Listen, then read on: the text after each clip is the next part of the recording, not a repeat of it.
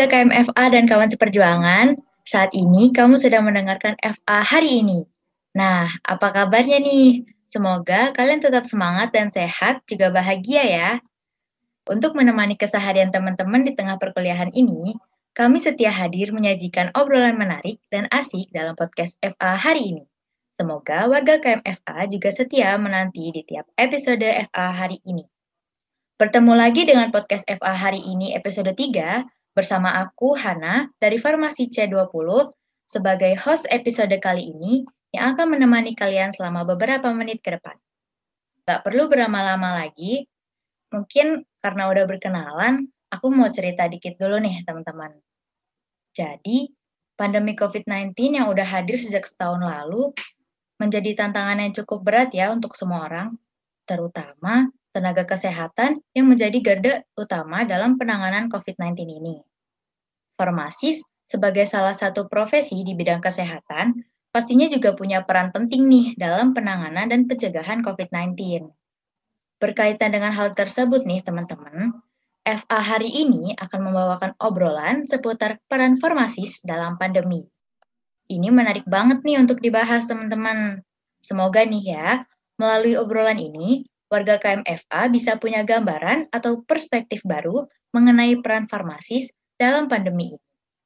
Dan tentunya, di sini FA hari ini udah ngundang seorang narasumber yang udah berpengalaman terjun langsung dalam upaya penanganan dan pencegahan COVID-19 nih teman-teman.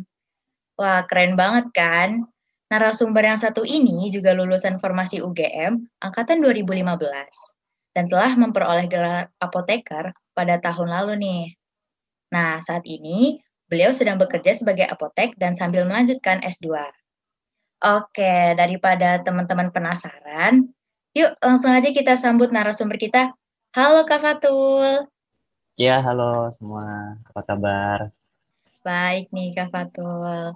Wah, senang banget nih FA hari ini bisa dapat kesempatan ngobrol bareng Kak Fatul. Sebelumnya makasih banget loh Kak Fatul udah mau join di podcast FA hari ini. Katanya tak kenal maka tak sayang nih. Mungkin biar makin akrab, Kak Fatul boleh nih perkenalan dulu. Silakan Kak Fatul. Ya, baik. Makasih Hana. Sebelumnya perkenalkan, saya Fatul Muin, alumni Fakultas Farmasi UGM angkatan 2015. Uh, saat ini saya sedang melanjutkan studi saya di Prodi Magister Manajemen Farmasi UGM sambil kerja juga di apotek UI Pharma. Oke, keren banget nih Kak Fatul. Biar makin seru, kita langsung aja ke obrolan utama kita ya. Seperti yang udah aku bilang tadi, Kak Fatul kan udah berpengalaman nih terjun langsung dalam upaya penanganan dan pencegahan COVID-19. Kalau yang pernah aku baca di web sih Kak, Kak Fatul ini menjadi relawan penanganan dan pencegahan COVID-19 kan ya Kak? Kira-kira kalau boleh tahu, kenapa sih Kak Fatul mau jadi relawan buat penanganan COVID-19 ini? Ya, terima kasih Hana. Jadi awal mula kenapa aku tertarik ikut untuk menjadi relawan COVID itu karena yang terutama karena memang aku ngerasa ingin turut ambil bagian gitu dalam penanganan COVID-19 ini. Apalagi kan saat itu aku udah selesai sarjana dan juga saat itu di tengah-tengah masa PKPA kalau saya nggak salah. Jadi pada saat itu sementara PKPA di apotik tiba-tiba COVID melanda Indonesia, PKPA-nya dibatalin tuh ditarik semua. Nah, atas itu kemudian kan kosong tuh nggak ngapa-ngapain belas uh, gara-gara studi from home dan persiapan UKI juga masih jauh jadi ngerasa sayang aja ketika ada waktu kosong terbuang sia-sia dan kebetulan pada saat itu lagi ada info terkait rekrutmen tenaga relawan ya. Dalam hal ini relawan monitoring terkait kasus COVID di Jogja. Nah, sedikit informasi, jadi itu nama relawannya itu Coronavirus Monitoring System. Jadi tugasnya itu melakukan tracing ataupun kontak terkait pasien-pasien yang menderita COVID. Jadi kita mengecek apakah pasien yang terkonfirmasi COVID ini dia kontaknya sama siapa aja. Nah, kita lakukan tracing lah dari pasien tersebut. Nah, di mana tracing ini kan juga perlu data-data yang diperlukan. Nah, data-data yang diperlukan inilah yang kemudian membutuhkan tenaga bantuan dari rumah sakit-rumah sakit yang ada di, di DIY pada saat itu. Dan kebetulan aku juga saat itu lagi kosong dan juga pengen tergerak lah ingin ambil bagian dalam penanganan COVID-19 ini. Nah, makanya uh, awal mulanya dari situ kenapa tertarik menjadi relawan. Apalagi kalau misalnya awal-awal COVID itu kan banyak ya informasi yang beredar bahwa tenaga kesehatan banyak yang tumbang, terutama karena hal kecapean. Jadi ya semakin tergerak lah. Jadi aku berharap ketika aku masuk menjadi relawan, tenaga kesehatan yang sebelumnya sudah fokus menangani pasien ya lebih fokus ke menangani pasien aja. Jadi tidak melakukan double job baik itu melakukan penanganan pasien ataupun kontak tracing juga. Jadi dengan menjadi relawan aku merasa bisa membantu pemerintah dalam hal penanganan COVID-19 ini. Ya mungkin itu sih alasan singkatnya. Wah, menginspirasi banget nih ya Kak Fatul. Aku jadi tertarik juga nih buat ikut relawan setelah dengar alasan Kak Fatul nih. Oh iya Kak, uh, Kakak pas jadi relawan berapa lama ya Kak? Ya selama kurang lebih lima bulan waktu itu. Jadi pendaftaran relawan saat itu bulan Maret, setelah diumumkan diterima jadi langsung bertugas keesokan harinya setelah dapat arahan singkat dari Dinas Kesehatan dan juga BNPB selaku stakeholder yang menangani pandemi COVID ini ya. Nah, itu jadi sistemnya kontrak saat itu, kontrak setiap bulan.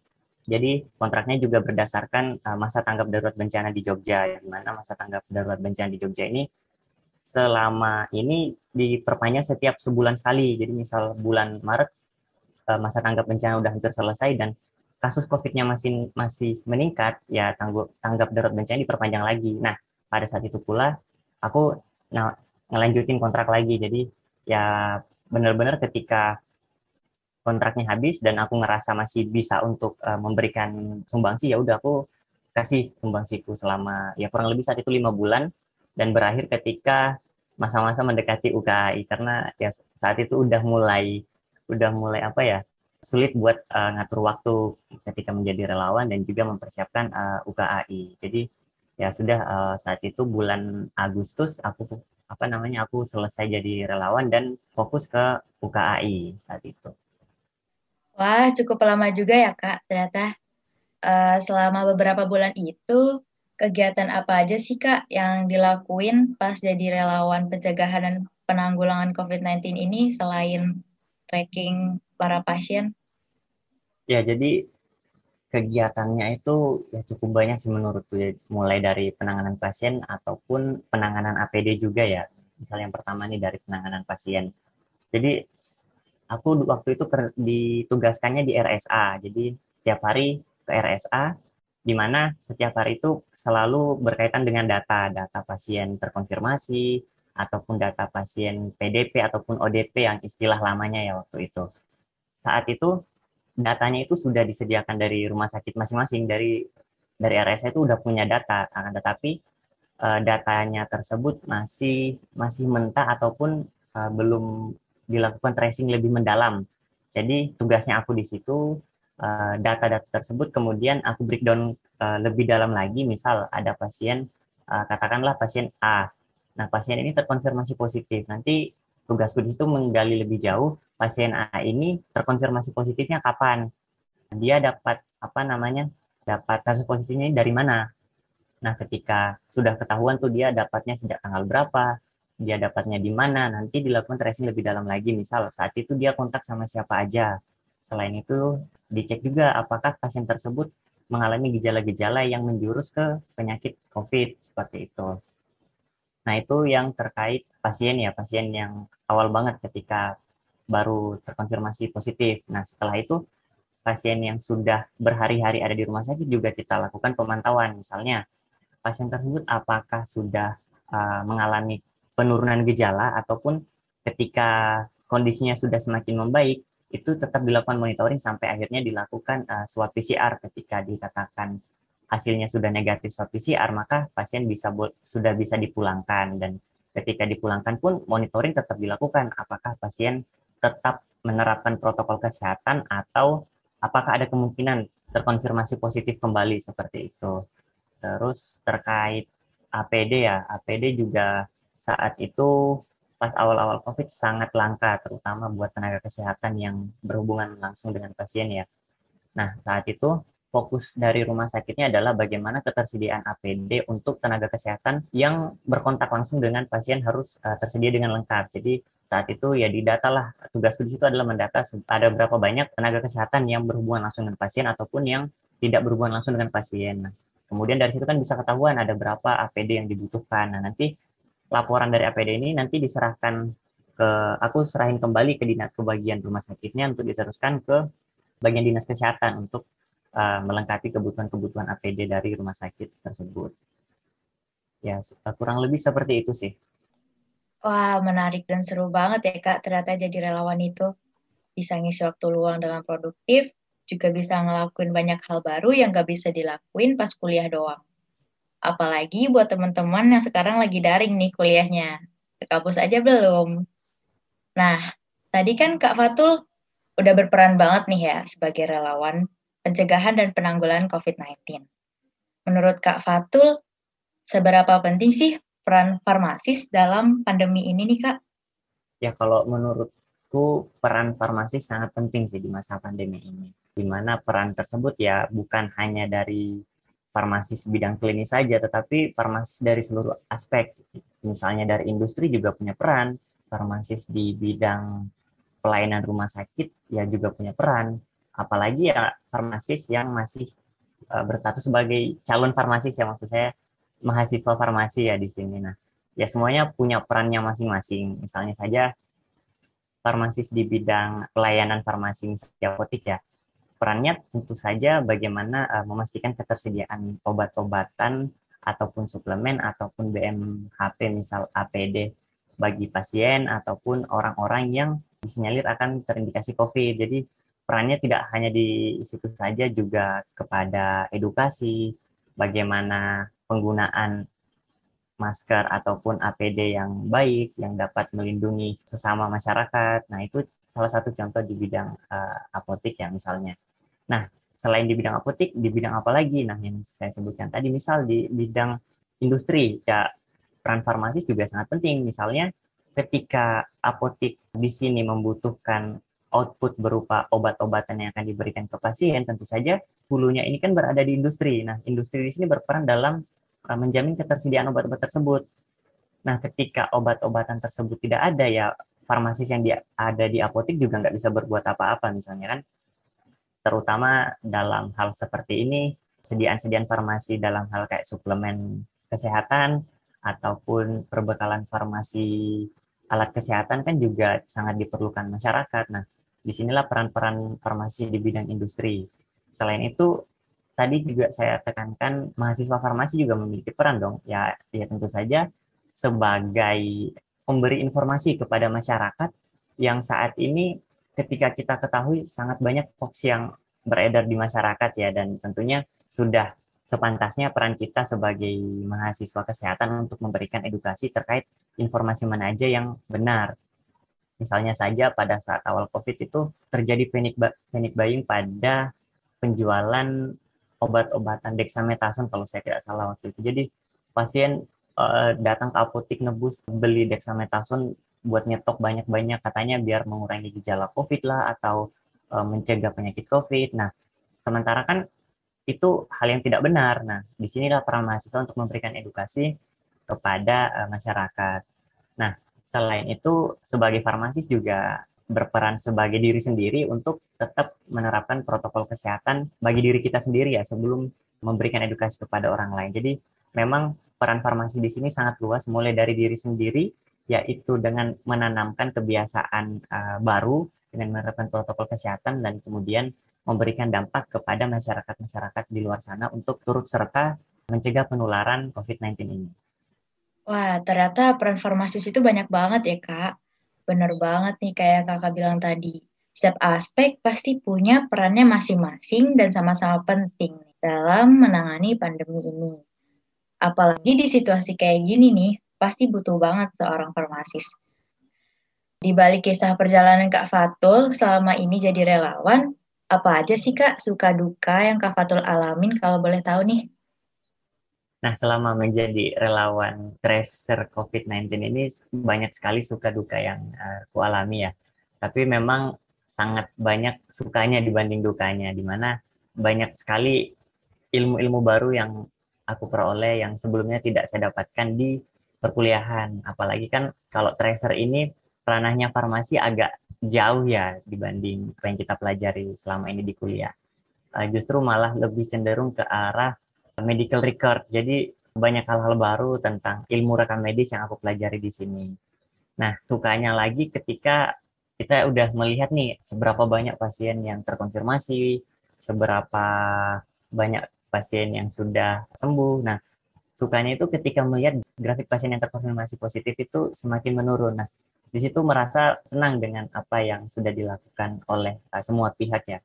Apalagi uh, dalam menghadapi pandemi ini kan tentunya sangat perlu effort yang lebih bagi seluruh aspek.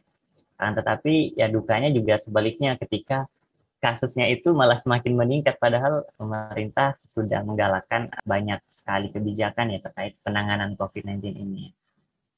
Sukanya lagi ya bisa ketemu orang-orang baru, bisa belajar hal-hal baru tadi ya yang aku bilang. Karena banyak sekali istilah-istilah yang baru aku temukan ketika menjadi relawan ini. Dan satu hal yang menjadi kesyukuran aku adalah aku bisa melihat uh, bagaimana sistem medical record yang ada di rumah sakit, terutama dalam hal penanganan pandemi ini ya.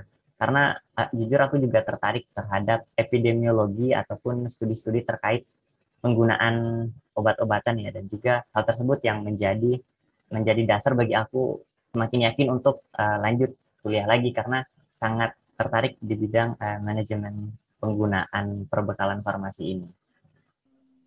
Ah, iya sih Kak, bener banget. Pasti di balik suka ada duka ya Kak. Tapi yang penting kan pengalaman dan hikmahnya ya Kak. Sukanya bisa ikut seneng, lihat pasien sembuh, grafik turun.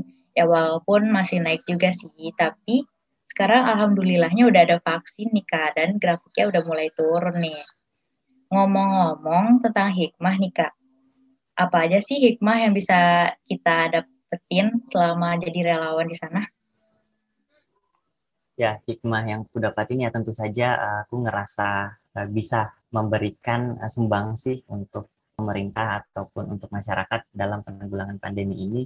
Karena aku ngerasa dengan memberikan sumbang sih aku merasa semakin bangga dengan apa yang telah aku lakukan. Ya meskipun hanya sebagian kecil dibanding apa yang dilakukan tenaga kesehatan langsung ya ya aku merasa uh, sekecil apa pun yang aku berikan bisa memberikan manfaat bagi penanggulangan COVID-19 ini. Terlebih, eh, aku juga mendapatkan ilmu yang baru, mendapatkan kenalan yang baru dari rumah sakit yang juga memberikan insight-insight baru terkait penanganan pandemi ataupun manajemen pengobatan misalnya. Jadi benar-benar sangat mendapatkan banyak hikmah dari eh, menjadi relawan ini. Oke, sangat menginspirasi ya pengalaman Kak Fatul ini. Nah, sebagai penutup, mungkin Kak Fatul bisa memberi closing statement nih Kak, atau pesan dan harapan untuk warga KMFA dan pendengar FA hari ini.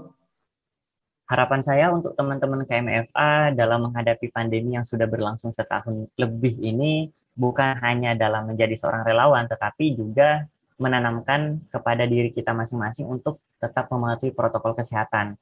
Setelah kita sendiri sudah mematuhi dan sudah menjalankan protokol kesehatan, kita bisa memberikan edukasi kepada orang lain.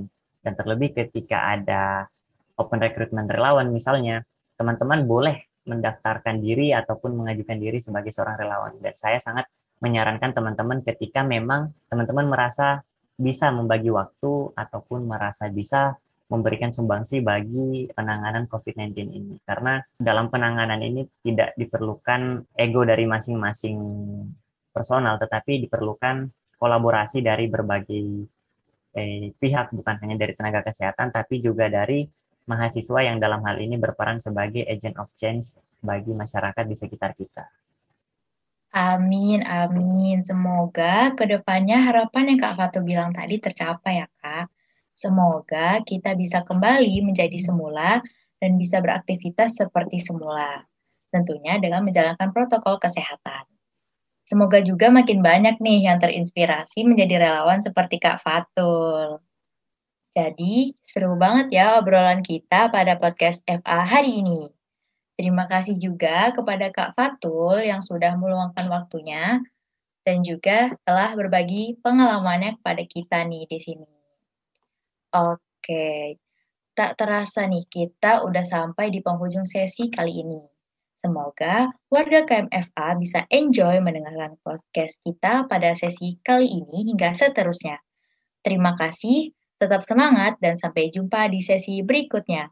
Podcast FA hari ini mengupas katanya menjadi obrolan bermakna.